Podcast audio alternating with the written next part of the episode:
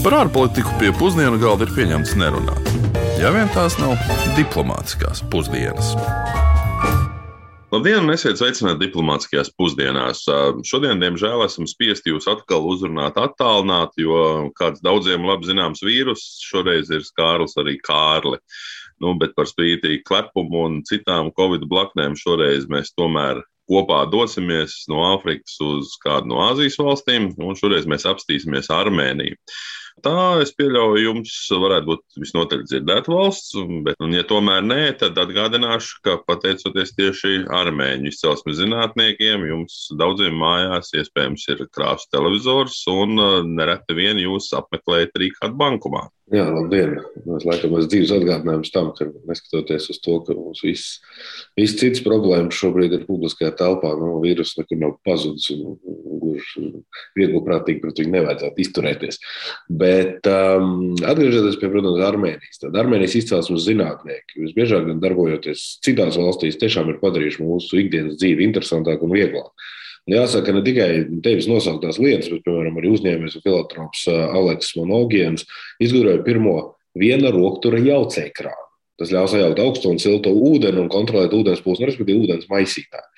Diezgan nepatīkami iedomāties vai sastapties dzīvē ar izlietnēm, kuras ar šo nav aprīkotas. Es domāju, ka tev apvienotā karaliste vienmēr ir patikusi. Jo... Karaliste man patīk, bet maisītāja trūkums gan ne. Bet atgriežoties atpakaļ pie Armēnijas republikas, tajā dzīvo gandrīz 3 miljoni iedzīvotāji. Un jāsaka, tāpat kā iepriekšējos raidījumos bieži vien esam minējuši, ka dažādām valstīm diaspora ārzemēs ir daudz lielāka nekā pašā valstī dzīvojošo iedzīvotāju skaits. Nu, piemēram, tiek uh, rēķināts, ka Armēnijas iedzīvotāju skaits ārpus valsts teritorijas pārsniedz 7 miljonus.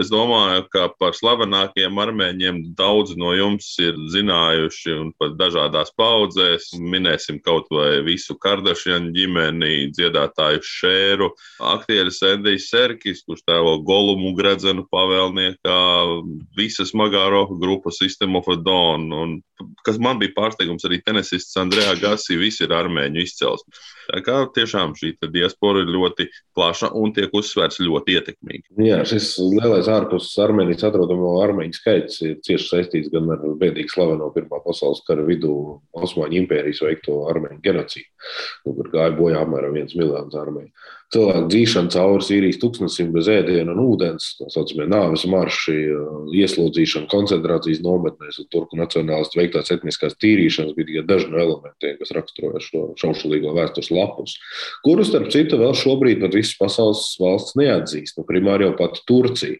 Nu, šo notikumu laikā, un pēc tam miljoniem armēņu bēga uz ārzemēm, primāri Francija, Itālija, Libāna, Amerikas Savienotajām valstīm. Un tāpēc arī šīs spēcīgās kopienas ir izveidojušās un reliģija un valoda ir saglabāta. Starp citu, par valodu runājot, armēņu valodai nav īsti saistības ar vienu citu valodu. Tā tiek uzskatīta par atsevišķu indo-eiropiešu valodas saimnes atzaru.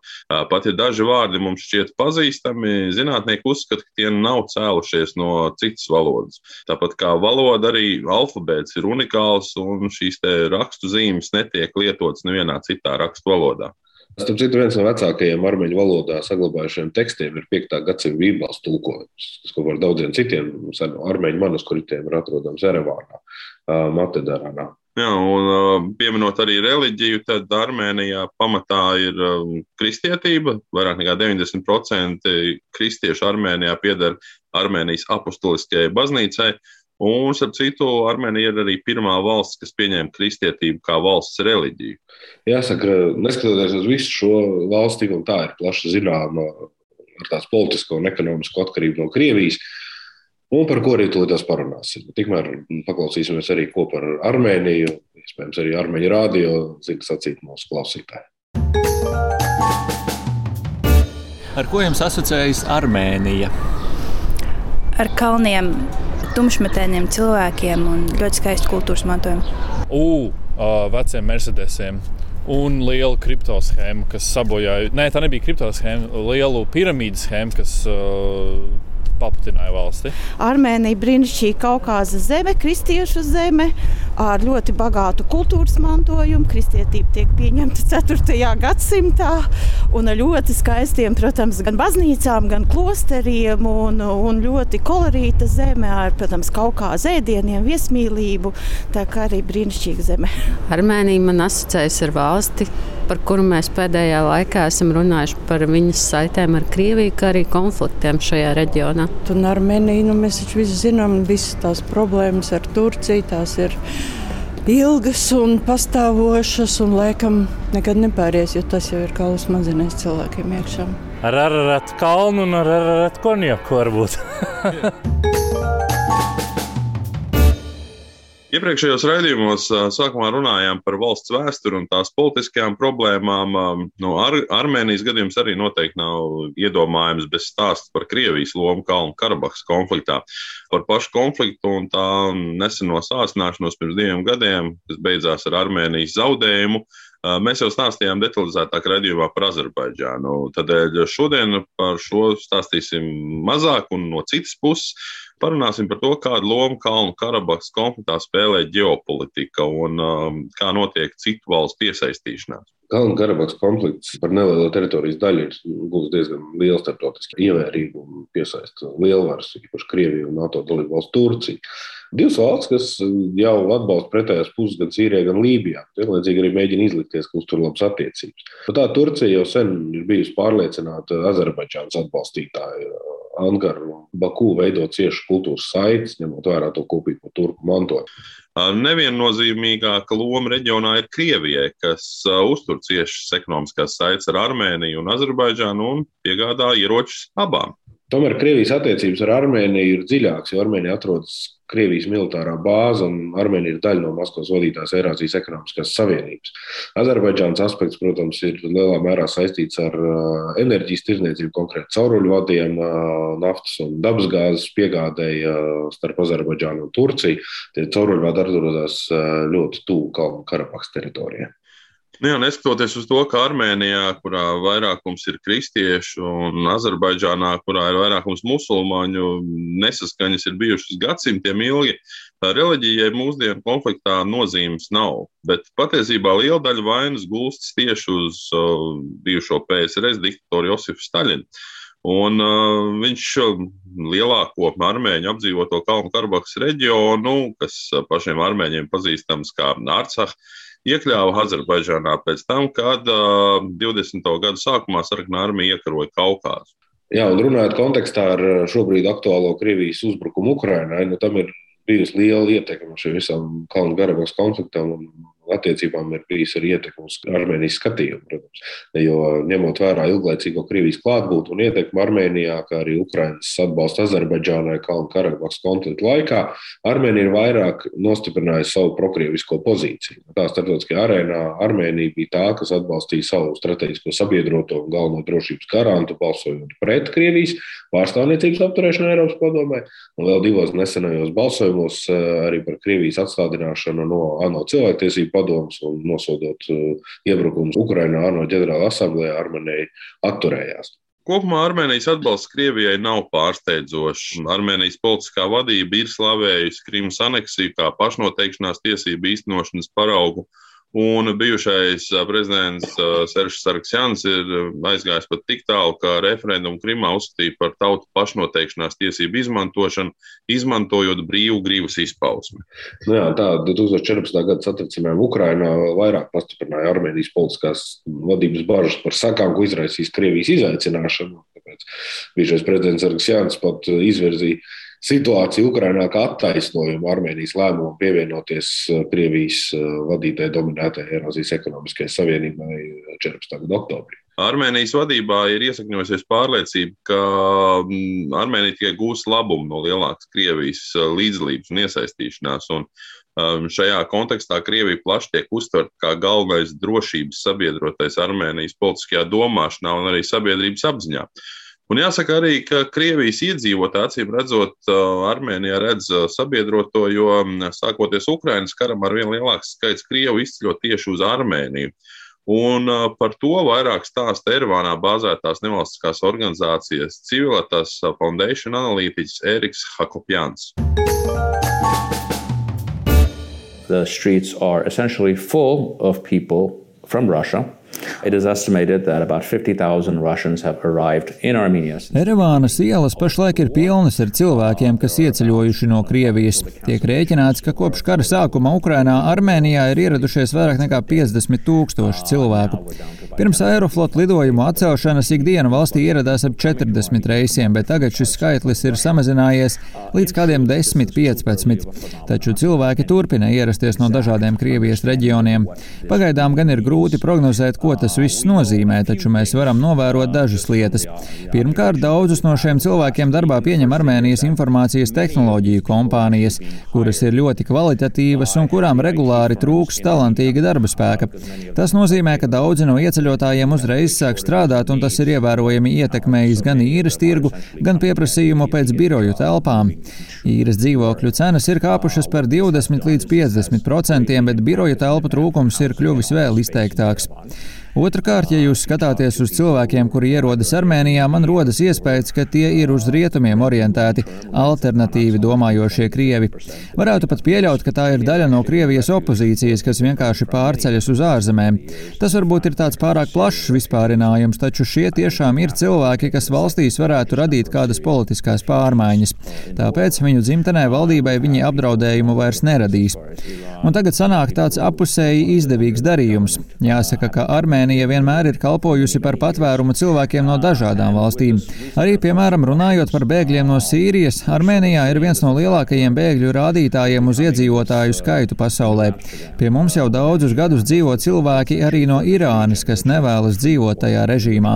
Tāpēc līdz ar šo Krievu pieplūdumu mēs sākam līdzināties tādai kā jaunajai Amsterdamai 17. gadsimtā - reģiona brīvostei, kurā uz dzīvi apmetas visdažādākie cilvēki, kuri vēlas dzīvot mierā un attīstīt savu karjeru brīvā, demokrātiskā un nerepresīvā sabiedrībā. Visā pasaulē situācija ir līdzīga. Kad cilvēki bēg no kādām problēmām, viņi parasti cenšas apmesties tuvākajā un brīvākajā valstī. Vai nu lai apmestos tur uz dzīvi, vai nu dotos tālāk. Taču viņi vienmēr meklēs brīvāko, demokrātiskāko, tuvāko un tiesiskāko valsti. Un viens jau ir skaidrs - viņi jau ir ievērojami ietekmējuši Erevānas seju, jo pilsēta ir kļuvusi daudz starptautiskāka un arvien lielāks skaits vietējo iedzīvotāju, to starp uzņēmēju, no tā gūst labumu. Protams, es nedomāju, ka tas izlīdzina tās briesmas un ekonomiskos zaudējumus, ko šis karš ir izraisījis visā pasaulē, taču uz dažām sfērām ietekme ir jūtama. Has caused economically around the world, but it obviously has an impact here or there. Un nu ir pienācis laiks pieķerties arī ekonomiskajai sadaļai. Armēnijas ekonomika vienmēr ir bijusi ļoti lielā mērā atkarīga no Krievijas investīcijām un arī no ārzemēs dzīvojošo armēņu atbalsta.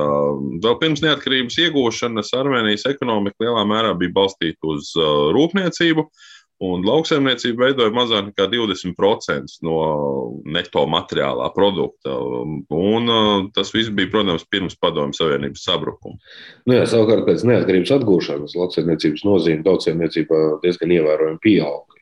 Īpatsvaram 90. gadu beigās pieaugot līdz pat apmēram 30% no valsts iekšzemes koprodukta. Bet uh, pēc tam jau nu, pieaugumam lielā mērā iemesls bija lauksaimniecības nozīme. Pieaugums dēļ tā, ka iedzīvotājiem bija jānodrošina pārtika pašu vajadzībām, saskaroties ar nenoteiktību pārējais mm, pirmajos gados, pārējais mm, gadu pirmajos posmos. Mēs kaut kur atceramies, ka Latvijas Latvija atgūstot no neatkarību arī bija līdzīgi ekonomiskie lauksaimnieciskie plāni.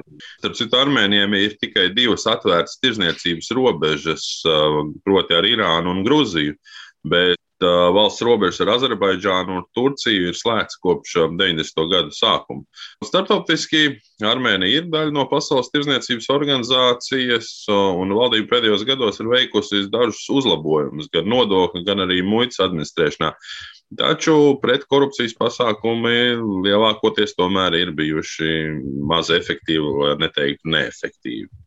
Nu jā, šī Armēnijas geogrāfiskā izolācija, šaura eksporta bāze, respektīvi maz, maz produktu, eksportēt, un plaši tītie monopoli svarīgākajās uzņēmējdarbības nozarēs ir padarījuši šo īpašu valsti neaizsargāt pret nepastāvīgi globālajos tirgos un ekonomiskajām problēmām konkrēti Krievijā.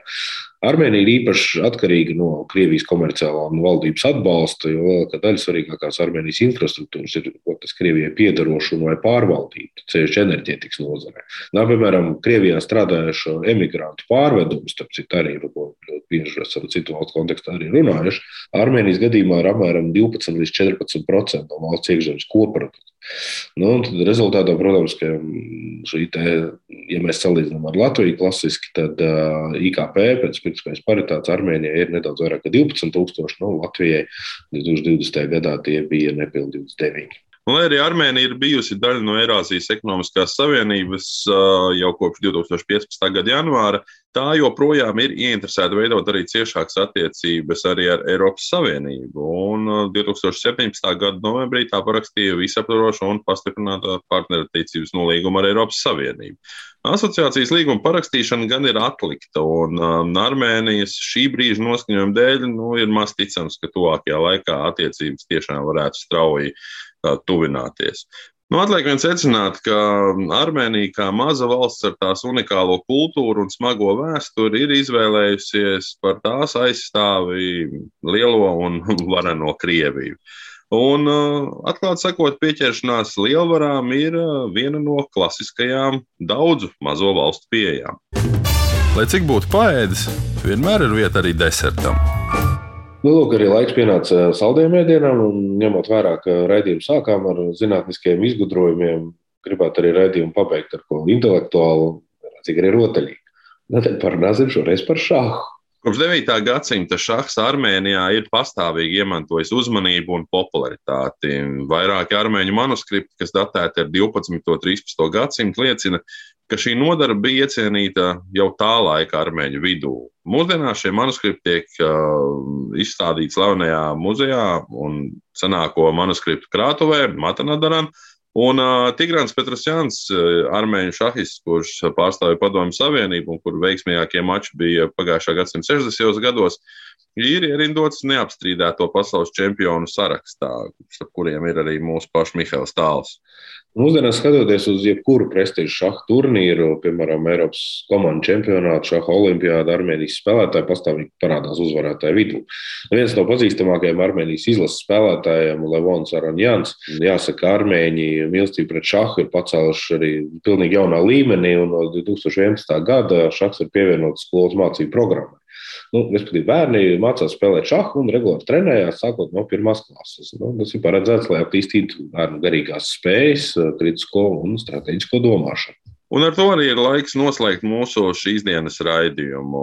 Nākamajā nedēļā mēs jau dosimies uz atkal kādu eksotisku zemi, uz Samoa, un tas būs mūsu 90. raidījums. Atgādināšu tikai to, ka raidījums ir klausāms Latvijas Rādio 1 uh, mājaslapā un podkāstu formātā, jebkurā jums uh, iecienītā vai pieejamā mūzikas straumēšanas vietnē.